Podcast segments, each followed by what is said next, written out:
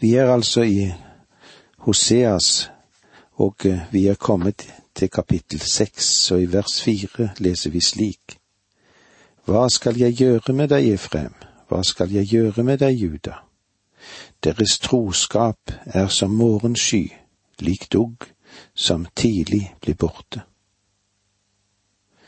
Hva er det vi legger merke til her? Jo, det er at det lyder nesten som om Gud er blitt litt frustrert her.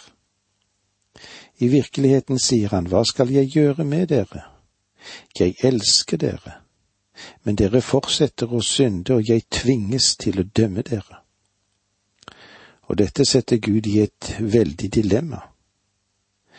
Dommen er Guds fremmedgjørende gjerning. Han ønsker å frelse. Gud elsker ikke og ønsker ikke å dømme, men han ønsker at vi skal bli frelst. Men når et folk trassig vender seg bort fra Gud, kommer det en dag da han må dømme dem. Gud har respekt for seg selv og sine egne lover. Israelsfolket var religiøst, men det hadde ingen kunnskap om Gud, og de var langt borte fra ham. Det er ikke visse religiøse etiketter som forandrer livet. Hva er det som forandrer det? Jo, det er det personlige forhold til Gud. I dag kan det være mange som sier bort med religion. Og fra en side sett sier jeg, ja, bra, la oss sope den ut døren og la oss invitere Jesus Kristus og la Han få komme inn, Han som er verdens lys. Israelittene var religiøse, men deres godhet var som en morgensky. Den gikk på form og mindre på innhold. Lik dugg som tidlig blir borte. Det var det deres religion viser seg å være. For en del er religion som et klesplagg som du kan ta på deg, alt dette som du har behov for og som du lyster. Gud, han refser folket fordi de var religiøse, men de kjente ikke ham. De hadde aldri en forvandlende opplevelse av det personlige fellesskapet med ham. Vers fem Derfor gir jeg dem hugg ved profetene. Jeg dreper dem med ord fra min munn. Mine domsord mot deg går frem som lyset. Med andre ord sier Gud, jeg flådde dem levende gjennom profeten. Jeg setter stor pris på de mennesker som skriver til meg og sier at de er glade for at ordet kommer uten noen tildekning, eller at det er innpakket i bomull. Men slik det står skrevet, og slik som sammenhengen er, det krever at jeg får lov til å si det som står i Bibelen. Min erfaring er at de som lengter etter å høre Guds ord, de setter pris på at det blir presentert slik som det er, og slik som vi mener at det bør være. Andre kan stille seg kritisk til det at jeg så direkte presenterer Guds ord slik det er. Men Gud sier her til sitt folk, Jeg gir dere hogg ved profetene de har vært trofaste i å fortelle det de har hørt av meg, men dere har ikke lyttet til dem. Og kanskje det er samme historie som gjentar seg i våre dager. Jeg dreper dem med ord fra min munn. Mine domsord mot deg går frem som lyset. De syndet ikke bare på grunn av uvitenhet, de manglet ikke informasjon. Gud hadde sendt profetene til dem, men de hadde ikke vendt tilbake til Gud og til Hans ord. Hva skal jeg gjøre med deg, Efrem? Hva skal jeg gjøre med deg, Juda? For deres kjærlighet er som en morgensky lik duggen som tidlig går bort. Derfor har jeg hogd løst på dem ved profetene, drept dem med min munns ord dommene over deg for ut som lyn. Men hvor godt er det ikke å vite at Guds kjærlighet, den er konstant. selv om vårt åndelige liv kan være ustabilt. Følelser, de kan være skiftende som morgenskyene, de, som i Bibelens land forsvant ved ni eller ti-tiden. Og Jesus han har jo sagt det så mange ganger, som for eksempel i Matteus 12, 7. Hadde dere skjønt hva ordet betyr, det er barmhjertighet jeg vil ha, ikke offer, da hadde dere ikke dømt de uskyldige. Ritualenes ytre prakt, det betyr mindre for Gud enn et lite hjertesukk eller en tåre. Kanskje du har det slik. Har du et lite hjertesukk til Herren, eller er du i en slik situasjon at tårene faller? Jesus elsker deg. Vi går videre til vers seks hos Hosea seks. For jeg vil ha troskap, ikke slakteoffer. Guds kjennskap heller enn brennoffer. Folkets religiøse liv er ensidig formalistisk. Det kan godt være du kritiserer predikanten, eller kanskje koret, eller kritiserer alle. Og det ganske, kan kanskje være slik at de fortjener det, det vet ikke jeg. Men det som iallfall klart er at Guds lengsel er at du lar Hans ord få gjennomtrenge deg, og at du lar det få virke i dagliglivet ditt, og at det blir et vitnesbyrd om barmhjertighet i ditt hjerte og i ditt liv. Ingen religiøs handling kan i og for seg være en erstatning for å ta til seg livets ord, eller ete livets brød, eller hente næring av de margfulle retter som finnes i Guds ord.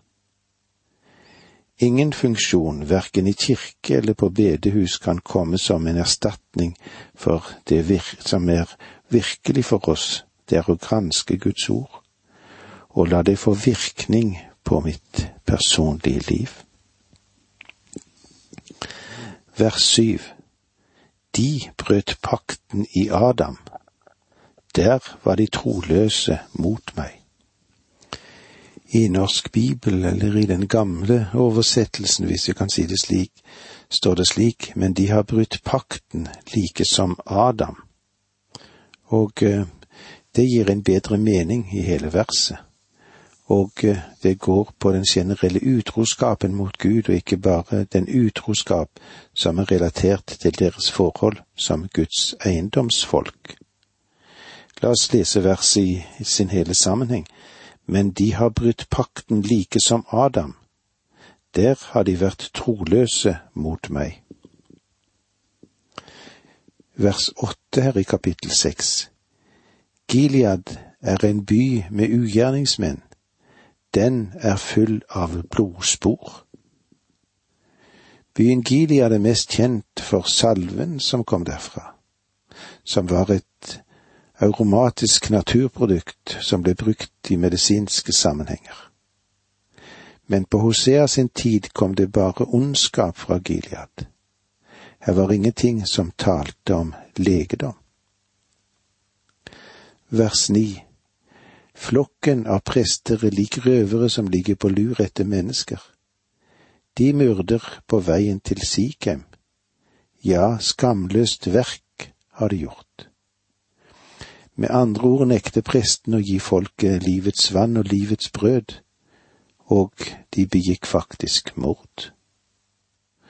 Og det er vel ikke tvil om at vi som står i en kristen sammenheng, kanskje på prekestolen, men ikke forkynne Guds ord, er skyldig i nettopp det som beskrives her. Og det er ikke jeg som har tenkt ut det. Det er Guds ord som sier det lik en røverskare som lurer på folk, er hele presteflokken. De myrder på veien til Sikhem, ja, skammelig ting har de gjort. Vi leser videre versene ti og elleve. I Israels hus sier fæle ting. Der driver Efrem utukt, der gjør Israel seg uren. Juda også for deg er det fastsatt en høst. Dette er også en advarsel til Juda om at også tiden vil komme for dem når dommen faller. Også for deg er det fastsatt en høst.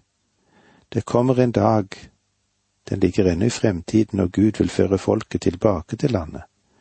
Men ved den tid er det også dommens tid. Og med disse ord sier vi takk for nå, må Gud være med deg. Dette undervisningsprogrammet består av to deler. Åge Nevland fortsetter nå med andre del av dagens undervisning. Vi er i profeten Hosea i det syvende kapittelet, ja, vi begynner i det syvende kapittelet i dag. Kapitlene syv til tolv, den fokuserer på det forhold at Israel kunne ha sluppet under dommen. Hvordan? Jo, ved å vende seg til Gud, som elsker henne. Gud behandler Israel på en tøff måte, og likevel prøver han i sin ømhet å kalle folket tilbake til seg selv, før dommen settes i verk. Det vi går inn i nå, kan vi si vel på denne måten at Israel vender seg til Egypt og til Asyria. Altså, Israel vender seg til Egypt og Asyria. Hvorfor? I stedet for å vende seg til Gud. I det første verset her i kapittel sju hos Hosea leser vi slik. Når jeg vender lagnaden for mitt folk, når jeg gjør Israel frisk, da blir Efrems syndeskyld åpenbart, og Samarias ondskap kommer til syne. De farer med svik, tyve bryter seg inn, og røvere herjer på gaten. Samaria var hovedstaden i Nordriket, det vil si Omri gjorde den til hovedstad. Og så bygget Akab og Jesabel seg et slott der. Her i Samaria kan vi se fullbyrdelsen av profetiene. Guds dom hviler over det som kanskje er et av de vakreste stedene i verden. Det ville være et utsøkt sted å bygge et slott på eller et hjem, om du ville det. Fra toppen av fjellet er det en utsikt, hvor stor? 360 grader. I vest har vi Middelhavet, i øst ser du Jordandalen, og mot nord fanger øyene Hermon og Megiddo. Mot syd ser du Jerusalem. Dette er et utsøkt sted uten noen ting som forstyrrer synet i noen som helst retning. Men i dag, ja, i dag er det et relativt øde sted. Sannelig er Guds dom over dem. Det som hendte i Israel under Hosea, var den synden som hadde vært dekket. Nå ble den avdekket. Det som de hadde foretatt seg i hemmelighet, ble nå gjort åpent lyst. Det var ingen skam ingen bevissthet om at noe var galt. Her var det ingen samvittighetskvaler i forhold til en synd de begikk. Herren ville ha tilgitt deres ondskap om de bare ville ha gjort bot og vendt seg til ham. Men i stedet så fortsatte de ufortrødent i sin ondskap og gikk lenger og lenger inn i den. Det er én ting å synde i hemmelighet, det er galt nok. Men eh, det er faktisk verre å dra sin synd frem i det åpne og vifte med den for hele verden. Det er sannelig å sunke til bunns. Og det er årsaken til jeg tror at Hosea har et budskap til mitt folk som vel som til andre folk. Siden Israel var Guds utvalgte folk, men der Gud likevel sendte den i fangenskap fordi de holdt frem med å synde mot ham. Tror du da det er sannsynlig at noe annet folk skulle slippe unna den samme synd? Når jeg vil lege Israel, da åpenbares Efraims misgjerninger og Samarias ondskap, for de farer svik, tyve bryter inn, og røverskarer de plyndrer utenfor. Dagens samfunn stiller frem i utstillingsvinduet det forrige nasjoner ville ha skammet seg over. Det blir kalt for den nye moralen, det. Og det ligger nesten til som en glorie rundt den. Synderen blir rost for at han gjør noe nytt og dristig og modig. For kort tid siden hørte jeg at en ung kvinne som ble rost fordi hun var ærlig og modig fordi hun levde med en mann som hun ikke var gift med, og som hun egentlig hadde nappet fra en annen kvinne. De hadde faktisk et barn sammen også. Vel, jeg vet at jeg kan virke svært så gammeldags når jeg taler som jeg gjør nå. Men vi skal alle sammen stå ansikt til ansikt med det faktum at Guds ord ikke har forandret seg. Det betyr ikke at en skal være hjerteløs eller arrogant overfor mennesker som har en annen moralforståelse enn det jeg har. Men vi må være klar over at synden, den har sine konsekvenser, både som rammer og treffer oss personlig, og på lengre sikt kan ramme hele vårt folk. Åpenhet overfor synd er ikke tegn på fremskritt, men det antyder at vi er i ferd med å miste den sivilisasjonen som vi tidligere har minnet hverandre om, og som er en kristen kultur. Vers to De tenker ikke på at jeg kommer all deres ondskap i hu, men nå omgis de av sine gjerninger. Jeg har dem for mine øyne. Gud sier, Jeg visste om deres tidligere synder, men nå har dere tatt ytterligere et skritt bort fra meg og gjør det som tidligere var en skjult skam, til en åpen dyd. Med andre ord hadde de nå nådd umoralens største dyp. Vers tre De gleder kongen med sin ondskap og høvdingene med sine løgner. Kongen og høvdingene som representerte folkets fremste ledersjikt, de applauderte til denne slags oppførsel.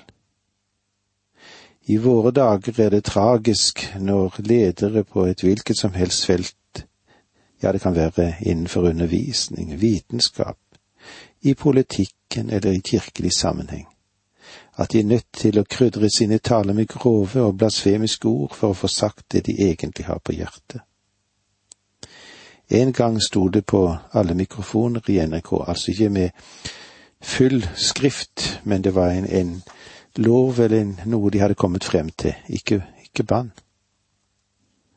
Den anmodningen er glemt for lenge siden. En flåkjeftet leder blir applaudert som en modig mann. Vel, det avslører i alle fall at han har et ytterst fattig vokabular, at han ikke er i stand til å uttrykke seg i min ungdom så sto det kanskje ikke alltid like godt oppstilt, men i alle fall det lå som en, en avtale oss imellom. Den som behersker sitt morsmål, slipper å banne. Det burde kanskje henges opp slike plakater både her og der, kanskje til og med i Høyborgen i Norge, i Stortingets korridorer. Den som behersker sitt morsmål, slipper å banne. Gud ønsket å befri sitt folk fra fangenskap og helbrede Israel, men eh, han kom ingen vei med dem på grunn av deres synder. Ondskapen vitnet mot dem. Den kongelige fødselsdagen ble feiret med drikkeorgier, og folkets religion var blitt en forvirret blanding av hedensk overtro og av gammel jødisk tro. Her lignet Israel en kake som ikke er blitt vendt. Den er bare sprø på den ene siden, og så er den uspiselig på den andre siden. La oss gå litt videre i kapittel syv, og vi leser sammen vers fire. Alle sammen er ekteskapsbrytere. De ligner en ovn som er så het at bakeren kan la være å fyre fra deigen er knadd til den er gjennomsyret. Dette ordbildet er veldig.